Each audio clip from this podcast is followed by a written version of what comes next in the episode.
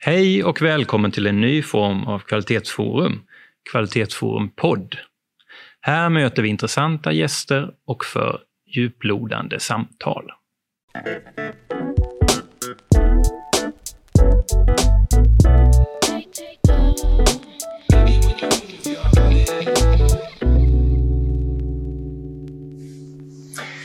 Idag har jag Felicia Gabrielsson Järhult med mig. Välkommen hit! Tack Tony! Vill du börja med att presentera dig själv lite kort? Ja, eh, jag finns ju då till vardags på Hälsohögskolan i Jönköping eh, på en avdelning som sysslar med förbättringsarbete och väldigt mycket med fokus på hur vi samskapar med patienter och familjer. Eh, och det har varit mitt intresse genom hela mitt yrkesliv. Från undersköterska till akademiker där jag är idag. Att liksom se hur jobbar vi tillsammans med dem som vi är till för. För att fånga deras tankar, idéer, behov. Och det har ju då lett bland annat till att jag har blivit jättenyfiken på det här med den digitaliserade vården. Just det. Och det är lite grann det som jag tänker är en ingång till samtalet idag. Mm. Eh, och det kom ut en rapport för några år sedan eh, där du var en av forskarna. Vill du beskriva lite grann bakgrunden till den rapporten? Mm. Hur kom den till? Runt 2015-16 någonstans där så började det hända saker i Sverige. Att man började kicka igång olika typer av digitala forum eller digitala webbplattformar eller möjligheter för personer att söka vård digitalt. Och de här privata företagen låg först och sen började en del av den offentliga vården hänga på. Eh, runt 2017 började liksom de här besöken, om vi ska kalla dem så, både chatt och eh, möten, att eh, lite utvecklas och raskt öka i takten. Eh, och då blev det en jävla debatt, om man får ursäkta att jag svär, men det var faktiskt så. Om huruvida om det här var rimligt, skulle det få kosta så här mycket? Vem var det här bra för? Vem hittade dit? Är det här jämlik vård? Eller vad, så. Eh, och då fick de på SKR eh, mycket förfrågningar, det var mycket ja, resonerande utan så mycket fakta. Så då kom det en, jag ska kalla det en, en uppdragsforskningsbegäran eller vad jag ska säga från Emma Spak och eh, SKR. Där de ville ha in faktiskt lite faktaunderlag. Alltså inte myterna om vad gemene man tyckte och tänkte om detta utan hur beter sig de personerna som söker vård på det här sättet digitalt? Vil, vilka är de? Eh, vad har de för behov? Och det var underlaget då till den här rapporten som vi skrev som sen då också blivit en vetenskaplig publikation. Mm. Och då pratar vi att ni blev klara hösten? Ja, 2019 var vi färdiga med rapporten och då hade vi utgått från registerdata som var från 2017 för det var först då det började bli liksom ordning och reda på data om man säger så. Så att man visste vad som var registrerat.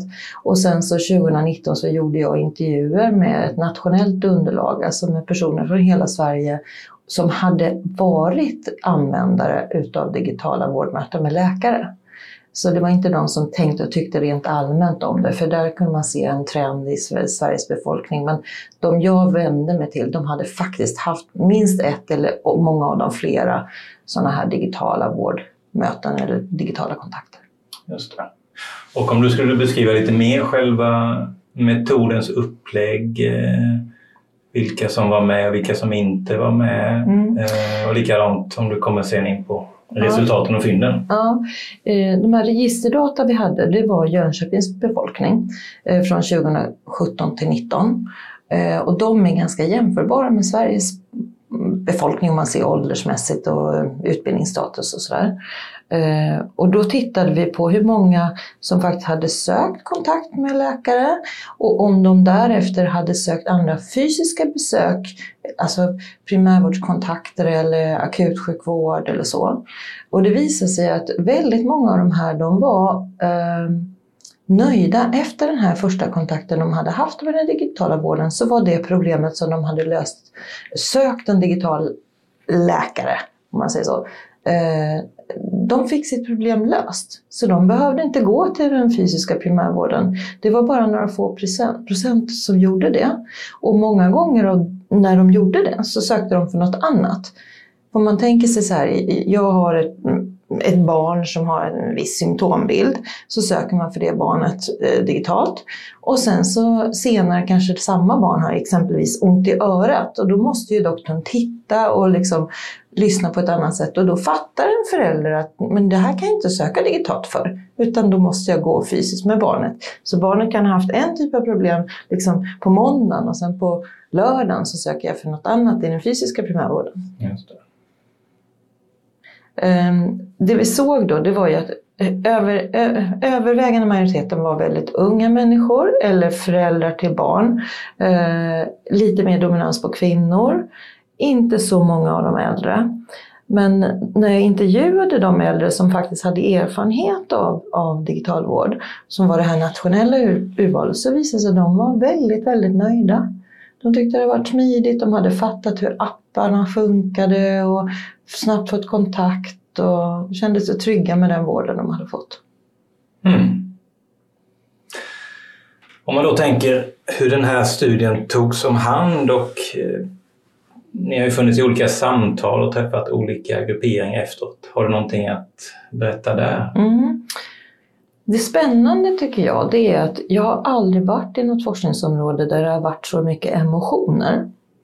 Så många proffstyckare. Eh, och då har det varit både läkare och andra grupperingar i det medicinska samhället där man har varit liksom ganska, eh, inte så helt pepp på grejen. Sen kom ju covid efter vi hade gjort den här studien som har väl kickat även professionen i, i, i rumpan lite försiktigt i att inse att vi kanske behöver den här tekniken, att vi ska lära oss för vem det här är bra och hur vi ska använda oss av det. Men det har varit eh, oväntat mycket tyckande för eh, även bland de som normalt sett tycker att vi ska grunda eh, liksom våra beslut på fakta. Mm. Så att vår idé har ju varit att bidra med ett faktaunderlag. Inget tyckande och tänkande utan så här ser det ut, eller såg det ut då. Eh, nu när vi gör om studier eh, efter covid så ser det säkerligen annorlunda ut. Eh, men mycket debatt, etiska frågor, eh, finansieringsproblematiken, att politikerna inte från början hade liksom satt någon rimlig ribba på det. Balansen mellan vad de privata företagen ska ha för kaka Eh, och att patienterna framförallt uttrycker att de vill gärna att det här ska ligga inom ramen för deras vanliga privatvård. Alltså den ordinarie vårdcentralen som tidigare haft ganska dålig tillgänglighet i vissa fall att man ska kunna få liksom, ha det här som ett komplement för de grejer som det funkar för. Mm. Utan att värdera olika reaktioner så att säga, har du några tänkbara förklaringar till att professionen kan känna så till exempel? Jag tänker att det här är eh, Lite samma grej som när vi hade den här journalen via nätet. När det introducerades via 1177. Att patienterna helt plötsligt fick ett eget liksom, forum där de kunde ta del av information och vara aktiva så att säga. Eh, det blir ju en mm, ändrad maktbalans. Och det är inte alltid professionen känner sig trygg med det och vet hur de ska hantera det. Så medan patienterna säger att jag är fri i det här forumet, jag kan söka vård på den tiden som passar mig, jag kan ta ett samtal när jag är på jobbet eller jag kan ha mina ungar i soffan hemma vid TVn och så ringer vi och pratar med doktorn. Vi behöver inte åka till vårdcentralen när de är sjuka och smittar andra och sådär. Så att för personer eller familjer, för jag ser också de här personerna i ett sammanhang, så, så är det en frihet. Alltså att jag eh, bedömer själv när jag vill ha min kontakt med vården eh, och se mig som kompetent att kunna avgöra om jag ska ha det digitalt eller fysiskt. Och det är ju lite provocerande för en del professionella. Mm, det är många spännande teknikresor som pågår. Mm. Eh, jag tänker att SKR har ju tidigare beskrivit att det finns fyra grupper av invånare och patienter där man tittar på olika beteendemönster. Eh, den ena gruppen är självständigt engagerade. Eh, den andra gruppen är traditionella obrydda eh, och orolig och engagerad en tredje grupp mm. och orolig och sårbar. Om du skulle titta utifrån de här fyra ingångarna på den här studien och vilka patienter som det passar med digitala besök. Har du någon, någon tanke där hur det föll ut i er studie?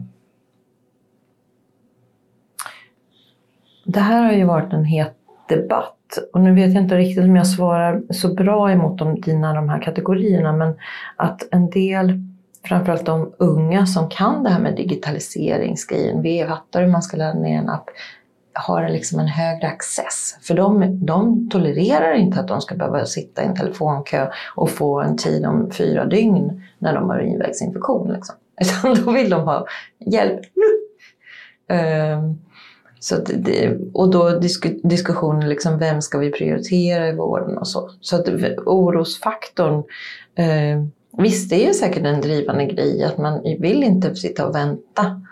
Eh, utan man vill faktiskt ha möjlighet att få råd, och stöd och förhoppningsvis också behandling om det är något som ska behandlas eh, ganska snabbt.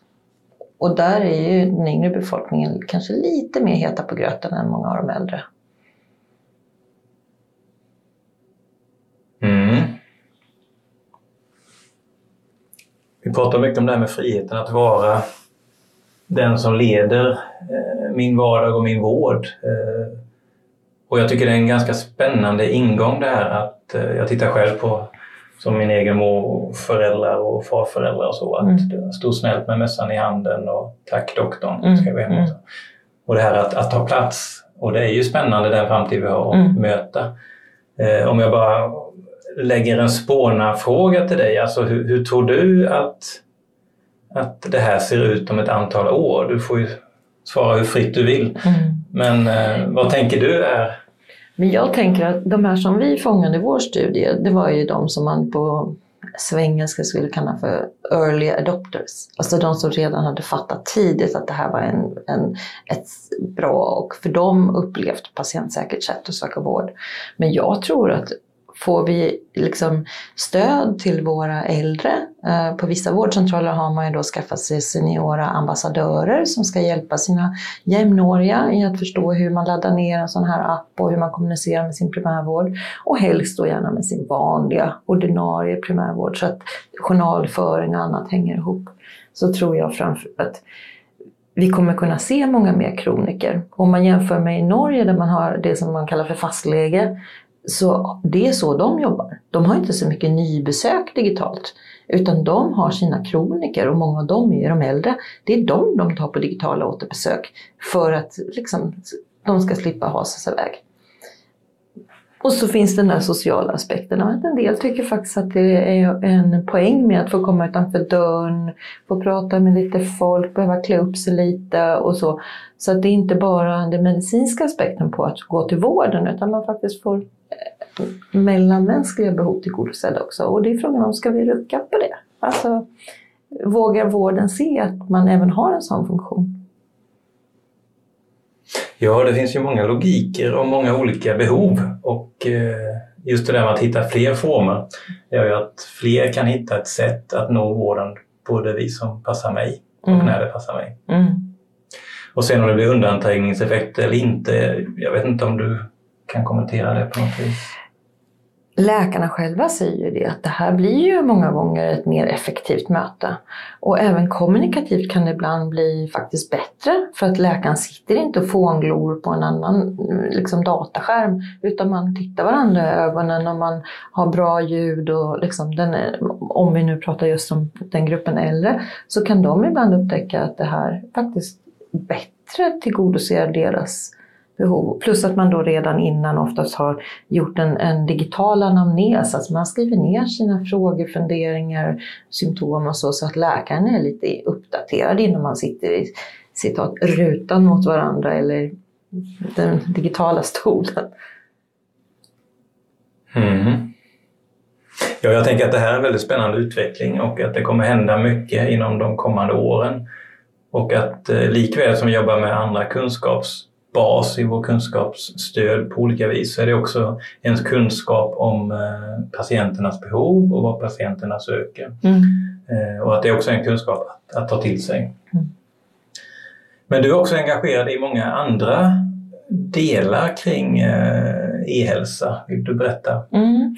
Eh, runt 2019 när jag blev då in, vad ska jag säga, inbjuden till att vara med i det här forskningsfältet så eh, träffade jag ett antal väldigt spännande och kloka kollegor eh, runt om i landet och så startade vi då ett forskarnätverk som eh, har en svensk bas och som nu har blivit Forte-finansierat. Och Forte är ju då en, en finansieringsfond eller vad man ska kalla det. Eh, så att vi har kunnat eh, samla både läkare och etiker och hälsoekonomer och rehabfolk och många olika professioner som har frågor kring detta. För att det är, som jag sa redan inledningsvis, det är så många perspektiv på det. Liksom, är det ekonomiskt försvarbart? Eh, liksom, är det en arbetsmiljö som funkar för personalen?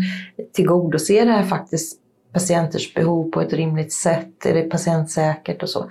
Så det, är liksom, det, det finns så många forskningsfrågor i det så att, som är, eh, gör att det blir spännande att koka ihop de här grupperna. Mm. Och vi har ju då mm, olika eh, alltså forum, både webbinarier och konferenser och eh, som nu är vi med på Vitalis för, jag tror det är tredje gången eller något sånt där på den här e-hälsokonferensen. Så att, för att sprida det vi är nyfikna på. Och mm. vi vill gärna bjuda in så att folk inser att det här är ingenting vi vet om hur det ska vara. Det här är verkligen ett område som vi behöver lära tillsammans och då tillsammans med de som behöver de här tjänsterna. Vad funkar för dem, vad funkar inte? Om vi ser till exempel inom psykisk ohälsa så har ju det här varit en hit för folk som inte vill gå till vårdcentralen. Så vågar man söka på det här sättet. Och jag har intervjuat män som till exempel har sökt för att de har erektionsproblem eller svårigheter att skaffa barn och som aldrig skulle ha gått till doktorn om de inte hade haft den här som en ingång.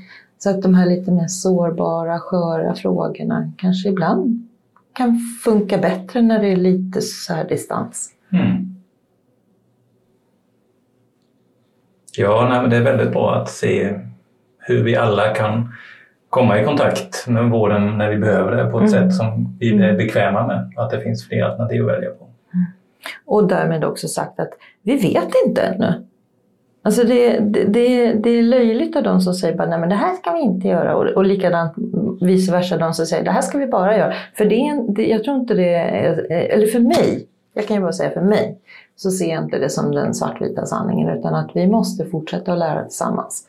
Och även professionerna, att det ska in i utbildningarna, att man ska lära sig hur man jobbar digitalt.